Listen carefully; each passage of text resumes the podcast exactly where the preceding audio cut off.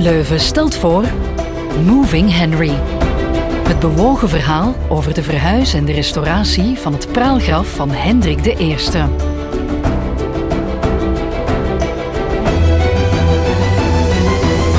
Aflevering 5. De overblijfselen van Hendrik I. We zijn toegekomen aan de laatste aflevering van Moving Henry. Het is inderdaad een bewogen verhaal geweest. Al van bij de eerste steen die we losfrikten, kwamen er dingen tevoorschijn. Dus uh, bij het weghalen van een van de zeiltjes, waar we dus de gaten hebben in de plaat, hebben we dus die, deze twee glazen uh, tubes gevonden. Glazen buizen met daarin processen verbaal. Volgens die documenten zouden maar liefst vier mannen in het graf liggen. En we vonden ook een kist. Kistje, een kistje. Nu ja, een kistje. Niet met vier mannen erin, maar slechts één. En dan nog de verkeerde Hendrik. De echte bleek samen met zijn voorvaderen verborgen te zitten achter een gemetseld muurtje in de crypte, onder in de kerk. Oh, dit is spannend. Het is wel krap, ja. De zoektocht naar Hendrik I was spannend. Nu is hij terecht. Maar zijn we daar zo zeker van? Jawel, maar om niets aan het toeval over te laten, hebben we toch nog eens gecheckt en hebben we de kisten nog eens doorgelicht met röntgenstralen. In het kistje van Hendrik II zat er niet veel meer dan nog wat beenderen en tanden. Maar van onze Hendrik zag je nog duidelijk een schedel, een ruggengraat, een bekken.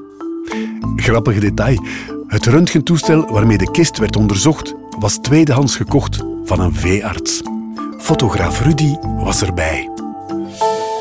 Het was, het was echt heel mooi. Het was een heel mooi beeld van een hoop knopen. En dan zag je een, een, een, doorgesneden, een doorgezaagde schedel. En duidelijk de kaken en tanden. Dat gaf wel een mooi beeld. En als je die allemaal langs elkaar scande, dan kan je perfect een, een pano recreëren, reconstrueren. En dat, dat was gedaan met een scanner die eigenlijk voor paarden. Dat was van een dierenarts. Die had dat, uh, hij had dat tweedehands van gekocht. het mooie was dat op, op het uh, interface dat je een, een, paard moest, moest invullen. De naam van een paard stond Horse Henry. Dat was wel een mooi detail om, om mee te nemen. Hendrik I, hertog van Brabant, kan nu eindelijk een nieuwe rustplaats vinden. Er is al veel gespeculeerd en gediscuteerd, maar wat gaat er dan nu gebeuren met die overblijfselen van Hendrik I en zijn voorvaderen en nazaten? Uh, we hebben besloten om de beenderen uh, in een klein mausoleum dat wij zullen maken van het museum aanwezig te stellen in um, de crypte. In de crypte? Ja. Dus ze blijven in de kerk, sowieso. Ja. Ze kunnen niet in het graf, want het graf is sowieso te klein. Dus ja, dat was sowieso dat wel begrepen.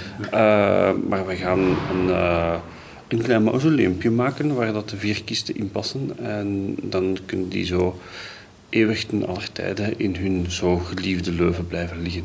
Ja, we zijn bezig met het ontwerpen van een soort, ja, een, eigenlijk een nieuwe tombe, zeg maar, uh, waar dan die vier kisten in passen. Maar dat gaat relatief simpel vormgegeven zijn in natuursteen.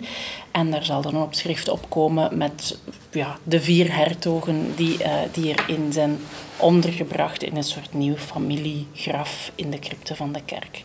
Samen met ook de oorkondes of de procesverbalen die we gevonden hebben in de glazen buisjes. Um, die gaan er ook mee in, zodat dat eigenlijk samen bewaard wordt.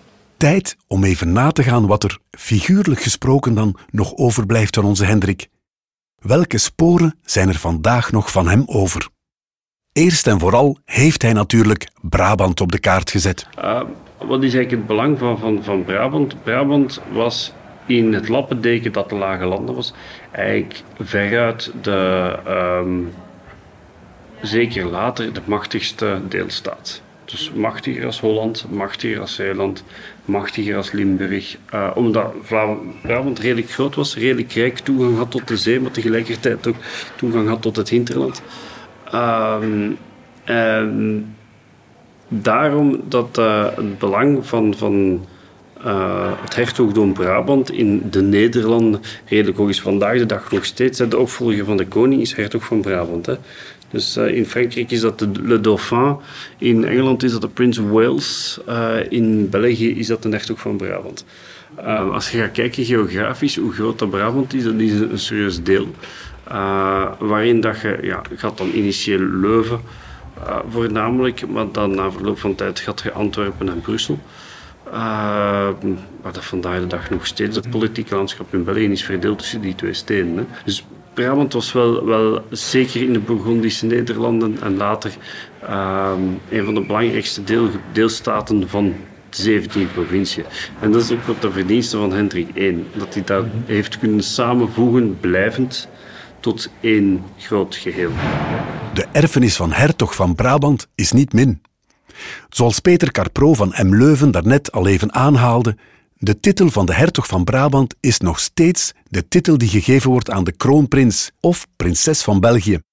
Dus vanaf 2013, toen prins Philip werd gekroond tot zevende koning van België, werd zijn dochter Elisabeth hertogin van Brabant. En de zetel van de hertog van Brabant is nog altijd Leuven. Dat is ook zo'n leuk weetje, is als er een nieuwe koning wordt geïnstalleerd, moet hij blijde intredes gaan doen in steden. De allereerste stad is Leuven. Omdat dat hier nog altijd de historische hoofdplaats van Brabant is. Over ons koningshuis gesproken. Hendrik I ging er prat op dat hij een rechtstreekse afstammeling was van Karel de Grote. Welnu, onze koning is op zijn beurt een rechtstreekse afstammeling van Hendrik I. Onze huidige koningen stammen rechtstreeks af van de hertogen van Brabant. Al ja, nou, heel wat omwegen, maar ze eindigen bij Albert I. En via Leopold II zijn moeder. Ja, het zat via de vrouwelijke kant. Via de Orléans-kant gaan ze richting Anna van Oostenrijk en dan vandaar richting Philips II, richting Charles Quint, richting Maria van Bourgogne, richting Philippe de Schone, richting alle Jeans en Jannes die er zijn geweest, van Malen gaan we richting Hendrik en Godfried 1 helemaal. Godfried. En waar komt die? Ja, dat staat in dat dossier ook. En daar zit een brief bij, maar ik moet dat dus nog allemaal... Par sa grand-mère, Louise-Marie d'Orléans. En ligne droite de Philippe I Orléans, frère de Louis XIV. Philippe I d'Orléans avait comme mère Anne d'Autriche, arrière-petite-fille de Charles Quint. Nou ja, en dan, dan zeiden er. Ja. En dan d'autre manière encore, le roi Albert se rattache à Charles Quint et par celui-ci aux anciens ducs de Brabant. En effet, Louis-Philippe I, père de la grand-mère du roi Albert, is, is dan uh, met de Bourbons getrouwd. En vandaar komt het er dan op weer. Een troisième forme de parenté existe. Ferdinand I, roi des deux Siciles, père de la femme de Louis-Philippe, avait épousé Marie-Caroline d'Autriche, fille de Marie-Thérèse. En zo zit de weer. Kortom, hoe je het ook draait of keert, ons huidig koningshuis stamt af van Hendrik I. De stamboom die in het dossier zat in het Leuvense stadsarchief gaat maar tot Albert I. Maar ja, vandaar kunnen we het verhaal ook zelf wel afmaken. Trouwens, de kleuren van de Belgische vlag stammen ook rechtstreeks af van het wapenschild van Hendrik I. Zwart, geel en rood. En de Brabançonne, die u nu al een tijdje op de achtergrond hoort, waar zou die naam vandaan komen? Maar nu hebben we wel al een grote sprong gemaakt van Hendrik naar ons koningshuis. Hoe zat het met zijn rechtstreeks nageslacht? Wel, zijn zoon Hendrik II, die toevallig wel in zijn vaders praalgraf lag, nam de fakkel van hem over. Misschien met iets minder strijdlust, maar wel met evenveel expansiedrang. Maar voor de geboorte van zijn zoon had Hendrik I enkel dochters. En had hij het geregeld gekregen dat zijn titel van hertog op één van hen kon overgaan. De oudste, Maria van Brabant, was lang zijn gedoodverfde opvolgster. Ze was dus een gegeerde bruid, maar het liep anders af. Ze schopte het wel, zoals we in vorige aflevering leerden, tot Duitse keizerin, maar werd na de dood van haar Otto uitgehuwelijkt aan de graaf van Holland. Een ferme achteruitgang, volgens sommige kroniekschrijvers. Ach ja, kroniekschrijvers. Maria van Brabant was best in trek bij een ander soort schrijver. Na de dood van haar tweede man trekt zij zich terug in haar slot Helmond, waarvan zij een cultureel trefpunt maakt. Onder andere de Duitse dichter Wolfram von Eschenbach zou geïnspireerd zijn door haar. In zijn epos Parsifal, waarvan Wagner later ook een opera zou maken, zouden de lotgevallen van de zwaanridder en hertogin van Brabant op haar gebaseerd zijn.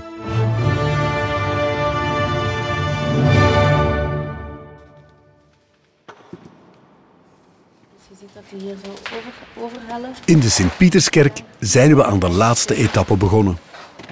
Afgezien van de dekplaat met de beeltenis van Hendrik I zijn alle stukken van het graf, van de zuiltjes tot en met de enorme zijwanden, schoongemaakt. Welke gel is het nu eigenlijk geworden? Vraag ik tussen de bedrijven door aan Linda. Ik denk een van de laatste. Hè? Zoals normaal. Zoals meestal. Ja, ja. Ja, ja dat is de, de juiste... En met die methode hebben jullie dan de, de hele... zijn we nu, zijn we nu Zijn we bezig. Ja. Maar ehm, er zit veel ehm, oppervlaktevuil op de stenen, dus eh, veel spatten van, ik denk, zeep van de vloer te reinigen, kaarsvet, ehm, echt druipers van olie hangen erop. Dus we zijn eerst alles mechanisch aan het verwijderen. En dan bereiden we de steen voor door een, een eerste reiniging aan te brengen. En dan pas gaan we verder met de gelreiniging. Dus het zijn verschillende stappen om te komen tot het resultaat wat we wensen. Ja.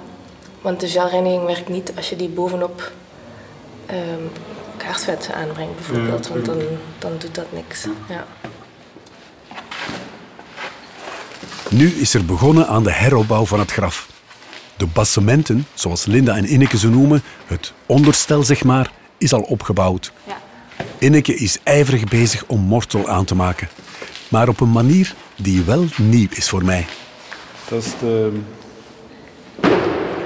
de mortel mengen dat Inneke doet. Ja. Dat is een, eh, dat is een speciaal emmertje om eh, droge stoffen te kunnen mengen zonder dat je veel stof veroorzaakt. Ah, ja. Zodat we stofvrij onze morstel Cool, kunnen mengen zonder dat we helemaal naar buiten moeten. Ja. En is het gemengd? Ik denk het wel. Zo, de mortel is klaar. Tijd om hem aan te brengen en de zijwanden er langzaam op te plaatsen. De opstaande wanden zijn inderdaad heel dik, die kunnen op zichzelf staan. Staan. Ja, De kraan wordt zorgvuldig in stelling gebracht.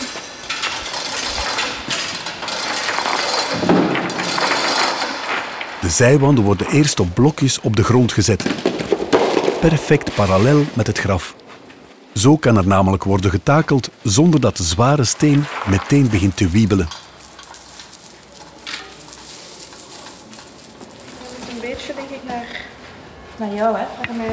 Dat kunnen we met de kraan doen.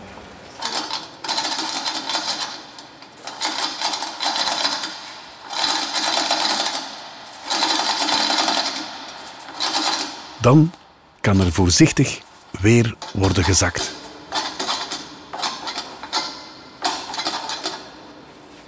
Er wordt gemeten en gewaterpast dat het een lieve lust is. Hier staat hem al. Een beetje zo, maar dat fixen we straks wel. Oké. Oh, dan zat hij goed op. Perfect. En Hendrik? Wat heeft die verder nog opgebouwd in zijn leven? We hebben in het begin vermeld dat Hendrik niet alleen bekend stond als de krijgshaftige, maar ook als stedenstichter. En welke steden heeft hij dan zoal gesticht? Wel, hij heeft stadsrechten gegeven aan Turnhout, Helmond, Oosterwijk, Vilvoorde. Ja, eh, je moet ook natuurlijk, als je ergens stadsrechten aan, aan je ontwikkelt ook een gebied. Hè.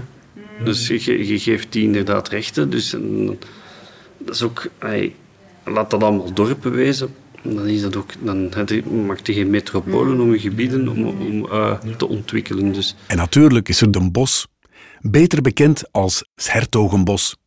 De naam zegt het zelf. Dit was Hendriks Bos. Hendriks stad. Dat is fascinerend als je, als je met de mensen van Sertogenbos praat.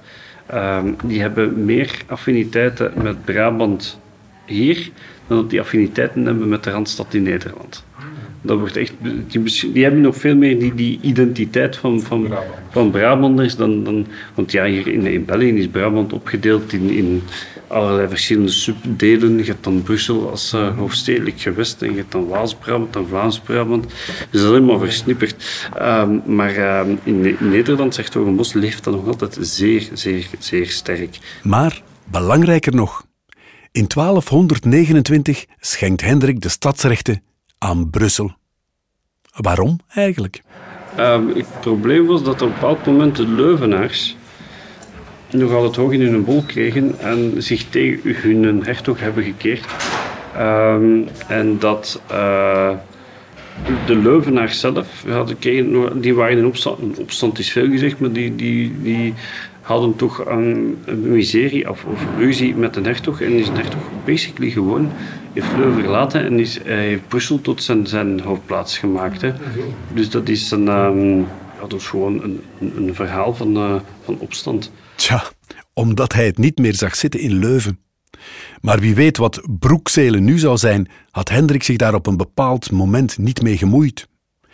De bouw van de kathedraal van Sint-Goedele en Sint-Michiel is trouwens begonnen onder zijn toezicht.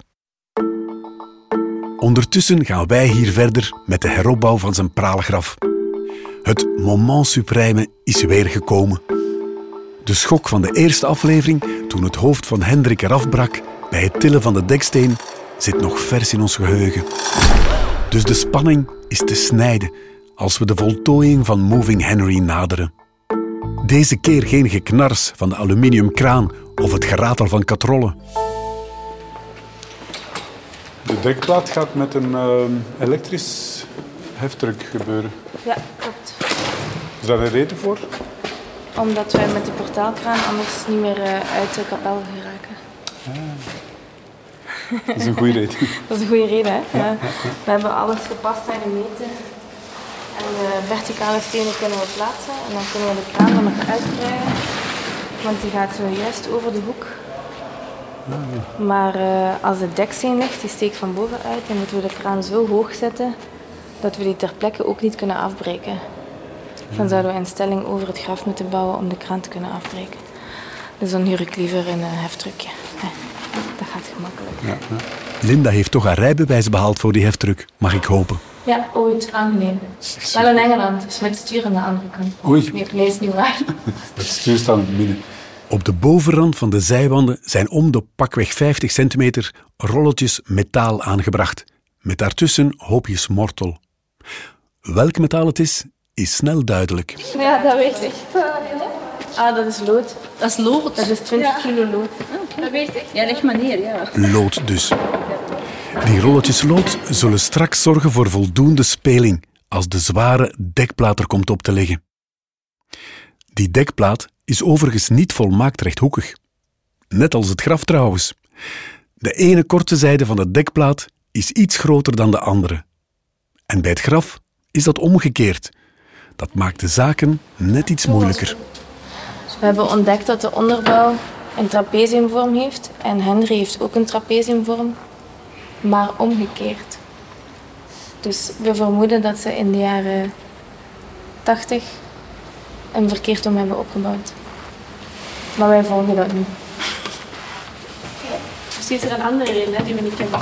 Misschien, ja, ik betwijfel. Maar goed, wij zijn er klaar voor. En Hendrik ook. Linda staat in de startblokken om de heftruck te hanteren. 3, 2, 1. Daar gaat Hendrik weer de hoogte in.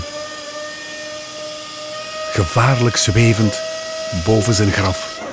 Het is helemaal geschoren naar hier. Ja, dat is veel. Ja, dat is heel trek maar terug. Tja, uiteraard geeft Hendrik de krijgshaftige zich niet zomaar gewonnen.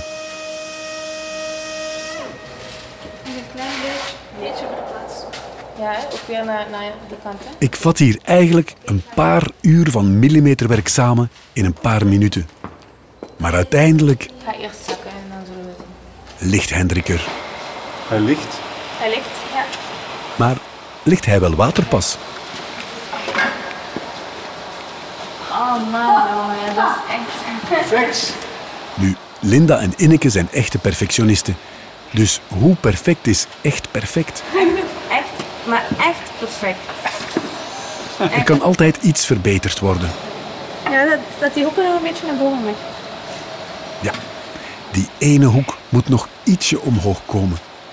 Even de koevoet erbij halen. De blauwe? De blauwe halen. En een spietje onder die hoek stoppen. En dan slaat het noodlot weer toe. Maar geen nood. Hendrik is niet weer zijn hoofd kwijt. Inneke wel bijna haar vinger. Nu ligt Hendrik wel perfect waterpas. Hier is het echt heel perfect. Heel perfect dan. Ja, ah ja, kijk. Het is kei perfect. Inderdaad, tijd voor klokkengelui. Alles is goed gelopen. En voor de grote ontlading na al die spanning en al die verrassingen die we zijn tegengekomen.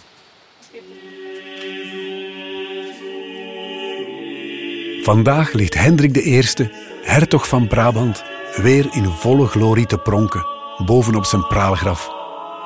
Nu zien we pas hoe prachtig zijn beeltenis is. Een krachtige jongeman, gekleed in zijn hertogenmantel, de scepter in de hand, bewierookt door de aartsengelen Raphaël en Michael. Het diep zwart van de doornikse steen steekt fraai af tegen het wit van de zandstenen zuiltjes die hem ondersteunen, met daarachter de doffe glans van de zwarte marmeren zijwanden. Hij ligt hier vredig, in de richting van de opkomende zon. Recht tegenover zijn eerste vrouw Mathilde van Boulogne en zijn dochter Maria van Brabant. Na maanden van kloppen, boren, zagen, schuren, schroeven, stofzuigen, poetsen, polijsten, passen, takelen, heffen, bijten, hakken, schaven, slijpen, keert de stilte geleidelijk aan terug in de Leuvense Sint-Pieterskerk.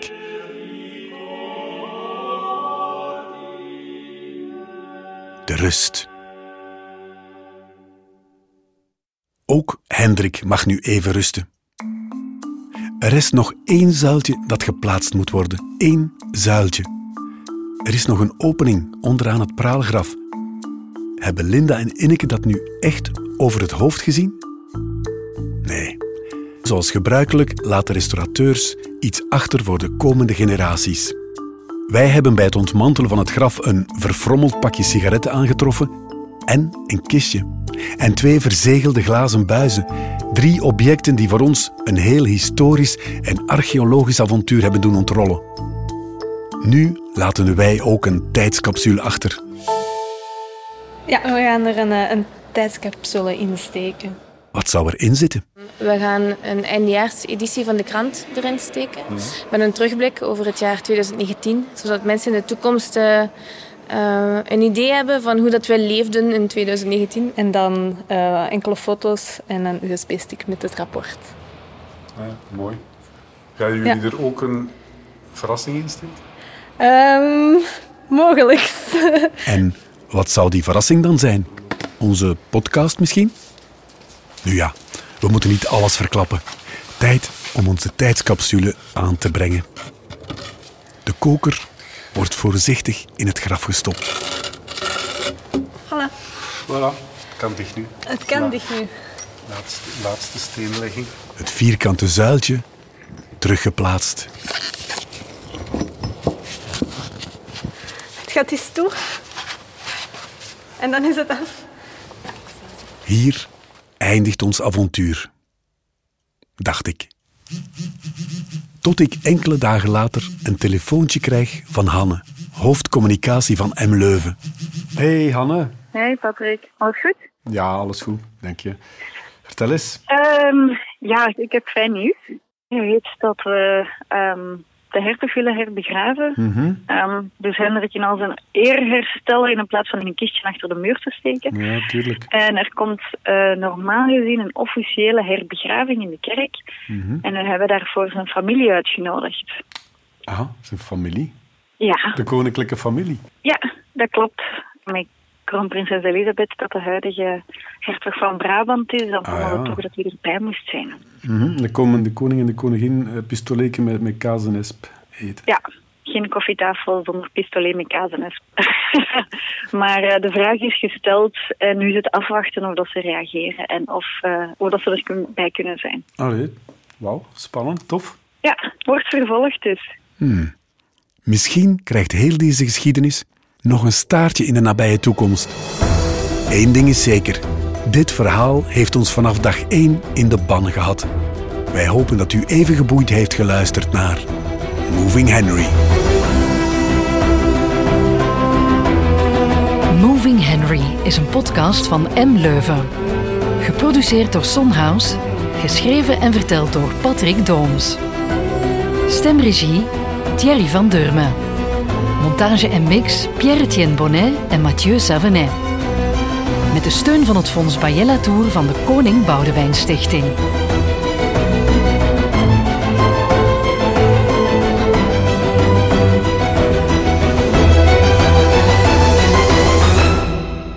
Wil je op de hoogte blijven van volgende afleveringen en extra's? Abonneer je dan op onze podcast. Laat gerust ook een fijne review achter. Zo raken meer en meer mensen in de ban van Moving Henry.